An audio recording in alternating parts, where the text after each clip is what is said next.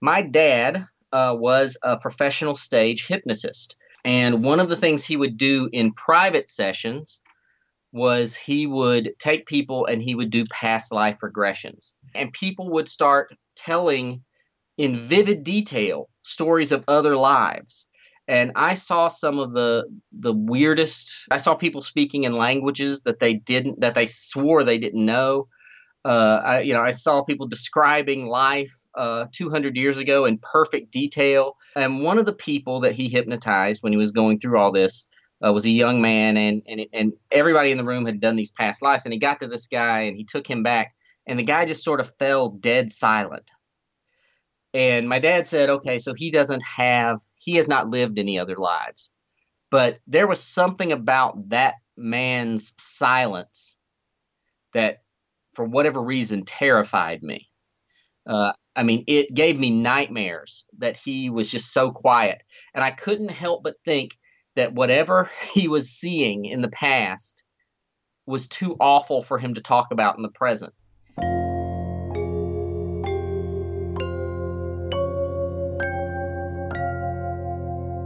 Hej och välkomna till Udda Ting, en podcast om sällsamma historier, kreativitet och kreatörerna själva.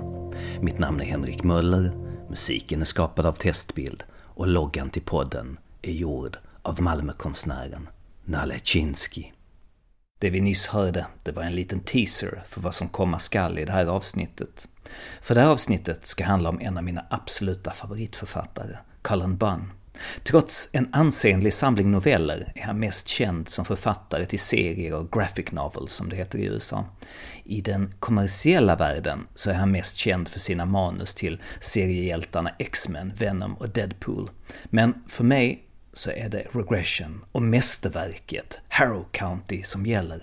Harrow County är en ond saga i början av förra seklets amerikanska söder. En ganska klassisk skräckramhandling om den onda häxan som blir lynchad av en pöbel och en förbannelse som då lägger sig över staden. Men Kalambans fantasi imponerar och man vet aldrig vad historien kommer att ta vägen. Bilderna spelar såklart en stor roll i stämningen och originaliteten, så vi får ju inte glömma tecknaren Tyler Crook som har tecknat Harrow County då. Men det finns mycket att diskutera, så nu dyker vi rakt in i intervjun så får han berätta själv. So how did you start out? I mean, your path as a creative person. I've always wanted to tell stories uh, since I was very, very young. I was, you know, I was writing and drawing my own comics and and picture books probably before I was in in elementary school. And and and even throughout school, I was doing comic books. I was writing and drawing comic books for my friends throughout school. I was telling stories throughout school, and, and I wanted to I wanted to to tell stories however I could, whether that was writing comics, writing short stories, or, or novels, or playing role playing games, or just telling stories to my friends. I just wanted to tell stories. Um, so I've always had that bug, I guess. Can you remember the first thing that you wrote? I remember drawing and, and writing a, a story about uh, about giant monsters when I was probably four or five years old. That that was the first story I remember uh, doing something with. And uh, and I called it Attack of the Monsters, and it starred Godzilla and Mothra and King Kong and every monster I'd seen in a you know in a in a movie on a Saturday afternoon on television. So you know it that was uh that was the first thing I remember remember really working on. You know, even going back earlier than that, the big inspiration for me was my dad was such a a big uh, storyteller. I mean, he wasn't a writer or, or anything like that, but he loved telling stories, and that just kind of stuck with me. Can you remember you, what books or comics influenced you in your life and career? The the books that have that have meant a lot. Like I remember uh, Micronauts number seven. In in in terms of comics, Micronauts number seven, uh, which was a you know book that came out in the the seventies. It was in a, a Marvel comic that was tied to a toy line. So you shouldn't think that that book should do much. You know, it shouldn't be that great of a comic. But when I read it, uh, there was so much world building and so much history and uh, and and so much character on those pages that uh, it made me kind of love the medium of comics in a big way. And and I really track, you know, I liked comics before that, but I tracked that love of comics to that issue.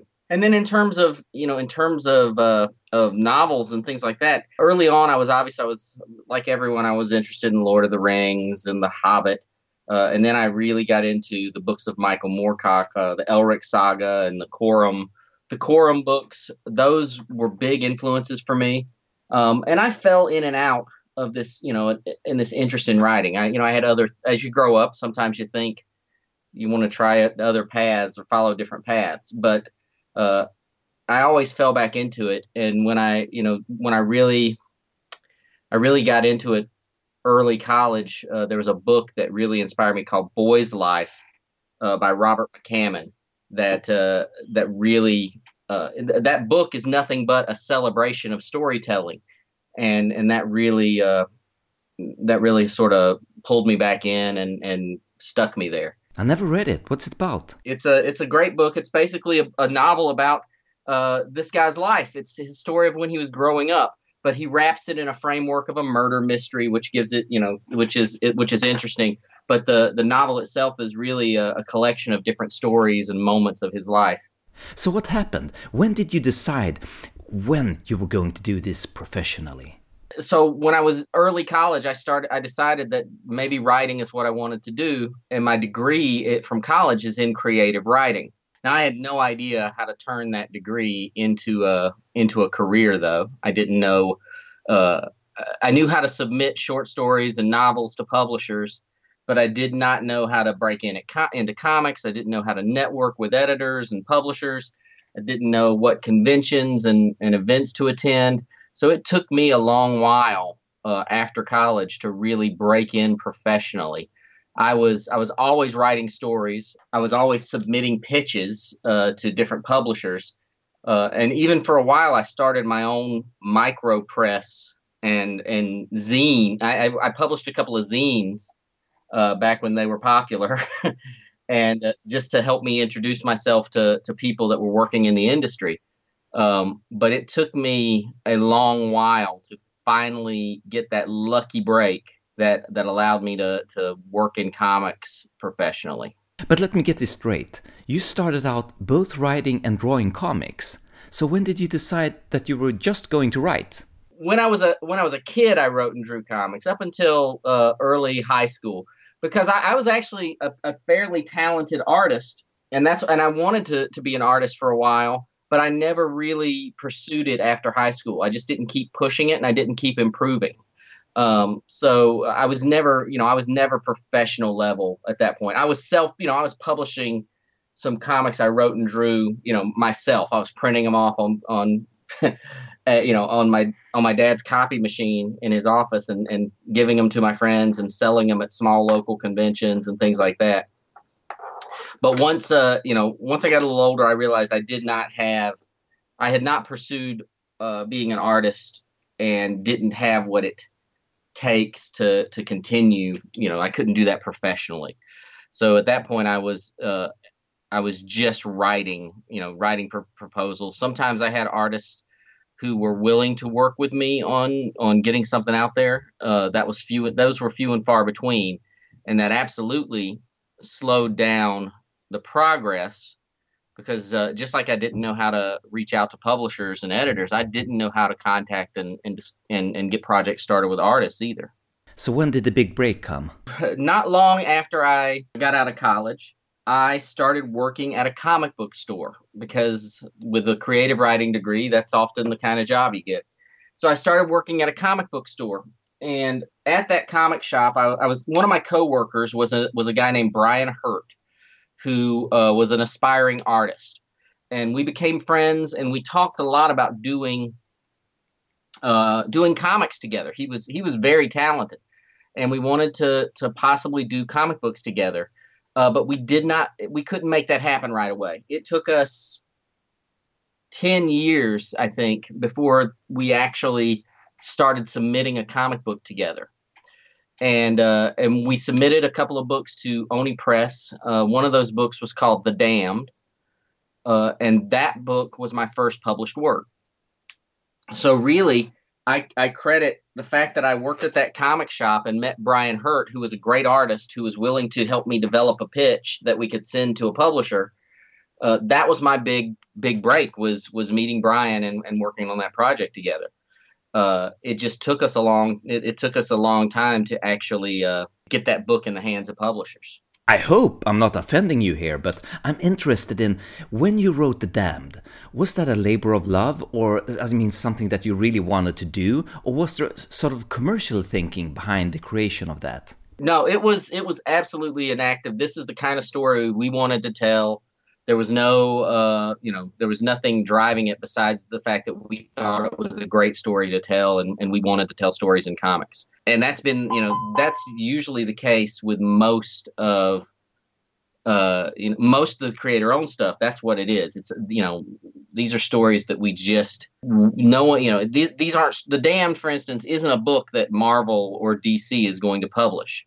It's uh, it's its own thing, and it doesn't necessarily fit into their mold but it is definitely a story I think people enjoy and and I it's it's absolutely the kind of story we wanted to tell. This is so inspiring to hear. Yeah, and, and look, I know that there there are times there there are, you know, I know that sometimes those kinds of decisions are driven by I'm going to develop a story because I think there's a movie, you know, I think someone in Hollywood is going to to buy this and uh, and make a movie out of it and and I think you'll drive yourself crazy trying to figure out what what kind of media and movie potential there are to a story. I think it's much more important just to tell a story that you think you'd love to love to tell. I think I see a thread here in your stories. They're often set in small towns and uh, they're based around psychological horror more than blood and guts. Yeah, I I, I gravitate towards those type of stories. Uh, I like all kinds of stories, obviously, but um, but I think I will always be working on something that has a sort of a rural vibe, um, sort of a you know backwoods and small town because that's where I grew up and that's where sort of this love of storytelling uh, was born for me. So I'll always I'll always have at least one project in the works that has something that that sort of feels at home in that world, whether I'm working on you know other other stories or not. And likewise, I I've just always been drawn to to darker stories, you know, horror stories, and uh, and I'll I'll probably always come back to that in some some way, shape, or form. I'll always have at least one foot in that grave. I think my favorite short story of yours is Tomorrow When the Demons Come. I mean, the one that is in a Chinese tattoo collection. So, how did you come up with that story, and in particular, the Marco character? It's funny. I think about that story a lot because it's one of my favorite short stories. I don't know necessarily where that one came from. Uh, I know that when that story, when I wrote that story, uh, I was doing these uh, sort of sort of parties for friends every couple of months, and we called them uh, creative gatherings. And we we'd have our I'd, I'd invite a handful of friends over, and we'd all bring a short story we had written for the group or a piece of art we had done to discuss with the group. And we'd uh, we just sit around and talk and, and enjoy each other's company and then share these stories and and these creations. And i wrote that story for um for one of those creative happenings. Um and uh, I think at the time I must I think I think that story wears its influences on its sleeve because it's obviously influenced by the works of Clive Barker and and Poppy Z. Brite and uh, and I think I can you know I can see those influences in that story but uh, but I don't necessarily know where those characters I I can't pinpoint sort of who you know what inspired that character and what inspired the uh, the events of that story maybe I was thinking maybe I was thinking a lot about guilt. Um, uh, I, because that story is about guilt and how you know how you deal with guilt, and there are no real shortcuts to to managing guilt. You just have to figure you know you have to figure your way through it, and uh, and that story is really about people who are trying to to wash away their guilt uh, and how it goes horribly wrong.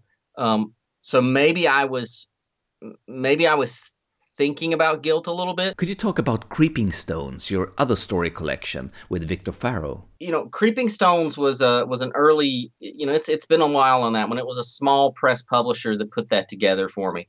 And actually, if you want those stories, uh, there's an easier way to get them. There's a book called A Passage in Black that that that collects uh, the stories that are in Creeping Stones and and many others.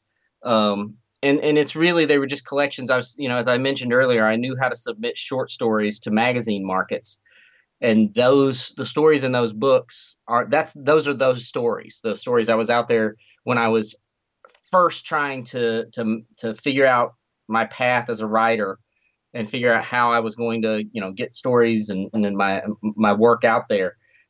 Those short stories are are representative of that time um, and in fact, a passage in black, I think it collects stories. It collects the earliest, some of the earliest stuff I submitted anywhere, uh, as well as later stuff as well. So uh, it's uh, it's just th- those books are really almost like time capsules of, of, what I was working on at the time. Okay, so what kind of stories are they? They are uh, they are all horror stories. Yeah, again, that's that's always what I was focused on, especially writing short stories. I was always focused on on on horror on horror stories. You know, Creeping Stones, the title story of that first collection, for instance, is about uh, a group of people who th- there's a graveyard outside their town, and the graveyard is slowly getting closer every night. It comes a little closer to the town. We talked about uh, Tomorrow When the Demons Come, which is uh, which is uh, I, th- I believe it reprinted in those uh, in in those. I know it's reprinted in a passage in black but uh, I think it's reprinted in Creeping Stones as well, which is uh, you know this story about about guilt and and the you know this this guy who uh, if you were able to wash away your guilt every night, how could that change who you were and where would that you know what could that push you into? I, I deal a lot with uh, you know some of the the folklore like mermaids and things like that, but I try to turn it on its on its head and and change and change your expectations of those uh you know of those types of stories. But yeah definitely they're all they're all horror stories. And some of them you know some of them are are dark some of them are a little funny some of them are gross. You know it's it it they there are different uh types of of stories in that book now we have to get into what is my favorite work of yours and one of my all-time favorite graphic novels, Harrow County. I want to know everything. So Harrow County started a long time a long time before it became a comic book. Um, years ago, uh, myself and a few other writers decided we were going to create sort of a shared world of a shared world of stories uh, that we would publish online one guy wrote a story about you know uh, this guy who found a genie's bottle in a cave on the coast and there was i can't remember the other stories that's the one i really remember but we had several stories and, and we were going to serialize these novels and short stories online uh, for anybody to, to read. My story was called countless haints and that story uh, i wrote about i don't know i think i wrote 10 or 11 chapters of that what it was going to be a novel.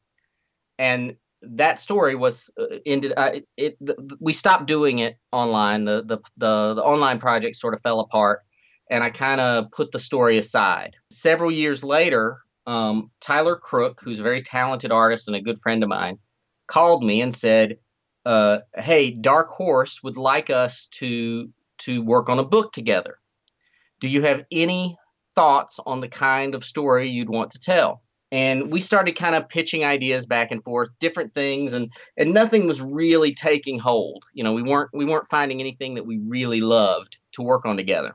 Something in the conversations with tyler made me think that he uh, might enjoy writing something you know a little more rural a little more backwoods. And i said well hey can i send you these chapters of a novel and see what you think and i sent him countless haints sent the sent those chapters to him. He read them he loved them, and from there we decided to adapt Countless Haints into a graphic novel, and that became Harrow County. If you were to read those chapters of, of Countless Haints, and we've reprinted those chapters in some of the hardcover editions of, of Harrow County and things like that, you you'll see that they're very similar. It's a that story, uh, the, the especially the first you know four or so issues of of Harrow County is very much an adaptation of that work in uh, Countless Haints.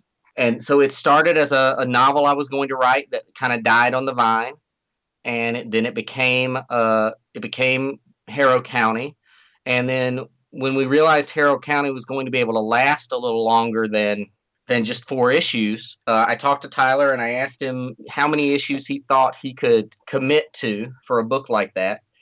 And uh, and and then we figured out, you know, if we were going to do thirty or so issues, what the story would look like, and and I kind of mapped out the big, the big moments in that story, and and and then we, I just started writing it, and and we were very lucky, you know, comic books uh, creator owned comics especially it's it's rare that you can tell a 32 issue story without having to end it uh, without having to change it. You know we were able to tell the story that we wanted to tell from the beginning and and do that you know all the way through. How come you managed to get it exactly as you wanted? I mean uh, with that many episodes. It's a it's honestly it's a real simple it's it's real simple. Dark horse did a great job of marketing that book initially and the sales on the book and the response to the book were so positive that they uh, they were willing to to continue the series. And that's the you know there's the there's the key in comic books is every series that that you pitch, no matter you know who you are, you should think of it. Uh, every comic book is a limited series unless it's popular enough not to be. You know, it was a uh, the response to Harrow County was very pop, uh, very positive. It did very well in the trade paperback collections and uh, and it just uh, it made sense for Dark Horse to continue that book. Um, and they you know they supported it. They were really really behind it, and uh, and and Tyler and I loved it. So thank God, you know I'm I'm so thankful that they were so supportive and that the fans were so supportive because that book means a, a great deal to me. I mean, if they had decided not to continue the series, where would the story have ended? Well, if it if if it had only been four issues, the first trade is how it would have ended uh, we'd have left it sort of hanging there. Uh, that was the first four issues we wrote. So, you know, I thought the, the story had legs. I thought that readers would like it. So I was taking a chance by ending it with sort of there's a little bit of a cliffhanger at the end of the fourth issue that kind of opens the door to the next the next arc of the story and the next arc. But uh, I was willing, if if no one read it, I was willing to leave it on that cliffhanger with issue four and just you know let the reader um, wonder what would have happened. And sometimes I like that honestly. Sometimes I don't I don't mind, you know, I think about some, you know, some of my my favorite stories or movies end on these weird cliffhangers and you never know what really happens afterward afterwards and your mind just fills in the blanks. Uh, I kind of like that sometimes. I have to ask you about the myths, the folklore, the monsters in Harrow County. How much of that is actual legend and how much is made up by you? All of it was inspired to some degree by you know ghost stories I heard or uh, well at least in, in there's a well there's a good portion of it that's inspired by ghost stories I heard when I was growing up you know sort of legends and you know I lived in an area very much like Harrow County. But there's a lot of it you know there there are a lot of things in that book that I wanted to feel like they were they were they could have been inspired by folklore but uh, that were not that we just made them up for you know for the for the series. You know, the skinless boy, for instance, who appears in Harrow County, is just something I made up because I thought it was an interesting idea. Uh, I like the idea that there is this boy running around the woods who has no skin, but his skin is also alive and is sort of slithering around and doing things as well. I don't know sort of a folklore story that inspired that for me.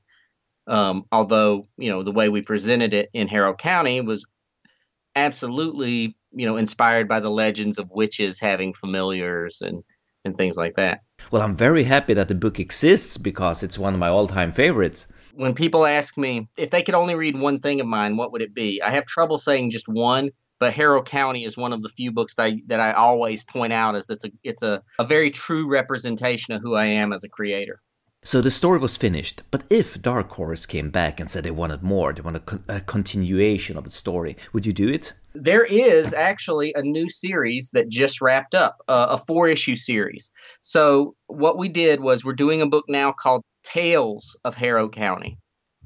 And we're approaching it. It's not an ongoing series. It's more like a series of mini series and the first of those series uh, called uh, Squire. So it's Tales of Harrow County, Death's Choir came out uh, just not long ago at all. The fourth issue, it's four issues that has not been collected yet. And it is a story that takes place 10 years or so after the events of Harrow County. So it's its own story. It's a new story. It has uh, a couple of characters that, if you read the entire Harrow County series, you're familiar with. Um, the star of Tales of Harrow County is Bernice, who was Emmy's friend in Harrow County. Uh, she takes sort of the starring, the lead role in Tales of Harrow County. Another interesting graphic novel of yours is Regression. Regression is a story, for those that don't know about it, Regression is a story about uh, this guy who goes and, and, and is hypnotized and goes through a past life regression uh, where he's, he's viewing a life he lived in the past. He's been reincarnated. And that past life intrudes on his on his uh on his current life and it becomes you know so the, so on the basis is a little bit of a a weird Jekyll and Hyde type story, and then it gets really, really strange from there. Uh, with past life and time being an illusion and things like that. But that story, the inspiration for that story is very clear. My dad uh, was a professional stage hypnotist for for many years, and one of the things he would do in private sessions was he would take people and he would do past life regressions, and and they were and I I watched many of these and he would uh, he'd take a person and he'd hypnotize them and he'd say, "All right, I want to see what you were doing five years ago. What were you doing?" And the person could explain in perfect detail what they were doing five years ago. And then he'd say, Tell me what you were doing 10 years ago. And again, they could explain in perfect detail 15 years ago, 20 years ago. And then he would say, I want to talk to you about 50 years before you were born. What were you doing? Uh, or 100 years before you were born, 150 years. And he would go back, and people would start telling in vivid detail stories of other lives.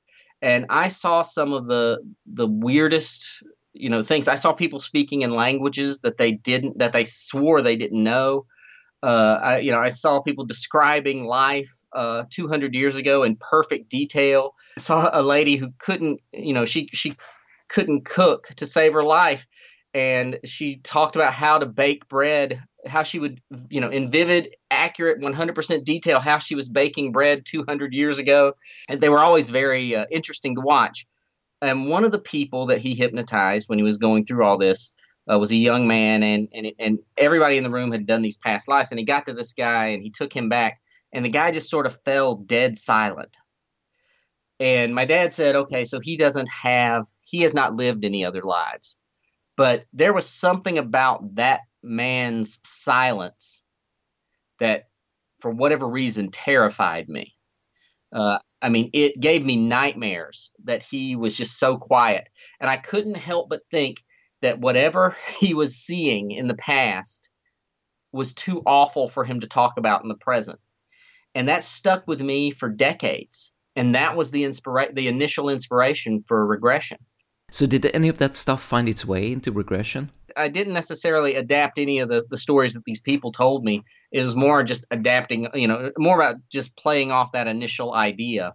And, you know, over the years, I kind of, you know, I think a lot about those regressions and, and reincarnation and my own belief systems. And I've kind of tried to put my own philosophies to it. And there's a lot of, you know, there's, there's all sorts of debate. But if you think about how someone can, how there could be someone who can remember past lives what does that mean about time and our perception of time? If, if it affects the past, how does, you know, if it impacts the past, how does it impact the future?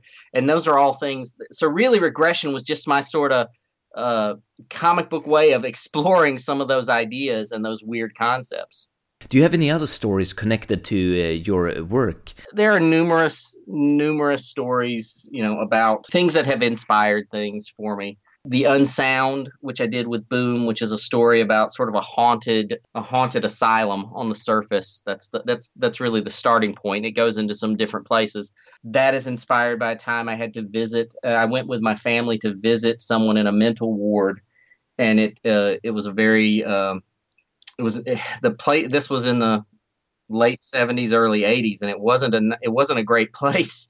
It was uh, it was really a, a the whole visit was very sort of haunting and disturbing to me. Um, so that you know that was inspired. That's that's where the initial inspiration for the unsound comes from. But uh, but most of my stories, you know, they come from things that I love. Unholy Grail comes from a love of Arthurian legendary. Uh, the Sixth Gun comes from my love of the old west of old west stories and in particular of sort of supernatural old west stories so you know it's it's all you know when you ask it, uh, you know, earlier you asked if these were labors of love, and that's absolutely what it is. It's my, um, many of my stories are my sort of desire to play in that sandbox. Do you have a technique when you write, a sort of a ritual? You know, the first thing I do when I come down down to my office and, and get started is I kind of I like to I like to work on a tidy desk. I don't want my desk to be a mess when I'm working and uh, throughout the day it becomes a mess. Uh, it it gets cluttered with you know soda cans and and snack wrappers and ink pens and crumpled up paper. But I I almost always have to clean that desk first thing, you know. And, and right now, even it's it's relatively early in the day, and it's already cluttered with ma- you know.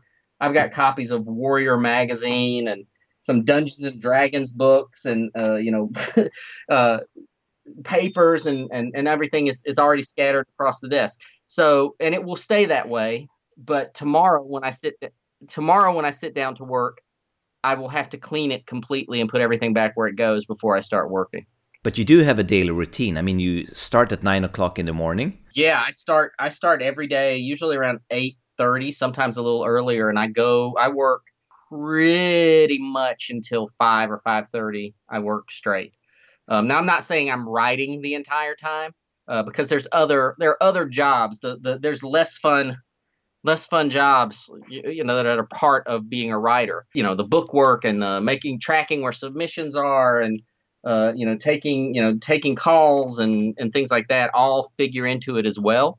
But uh, but i try to work every day you know at least from 8.30 till 5 or 5.30 can i ask you how old are you? I was born in 1976 okay so so i'm just a little older than you. I actually thanks thanks for bringing that up. Um, I'll turn 50 this year. So uh, so I was born at 70. Well, I thought you were much younger. Actually, I thought you were younger than me. You look so young in all those pictures. Man, I have a little I have a little more gray hair. The last the last couple of months have given me more gray hair than I had before. Well, thank you so much for doing the interview. I'm just a big fan. It was a pleasure talking to you. I appreciate it. Uh, um, you know, um, thank you for having me. Uh, you know, it's been a it's been a pleasure. So, you know, anytime, anytime we can anytime you want to talk about stuff, you let me know. Okay, take care. Bye bye. All right, I'll talk to you soon.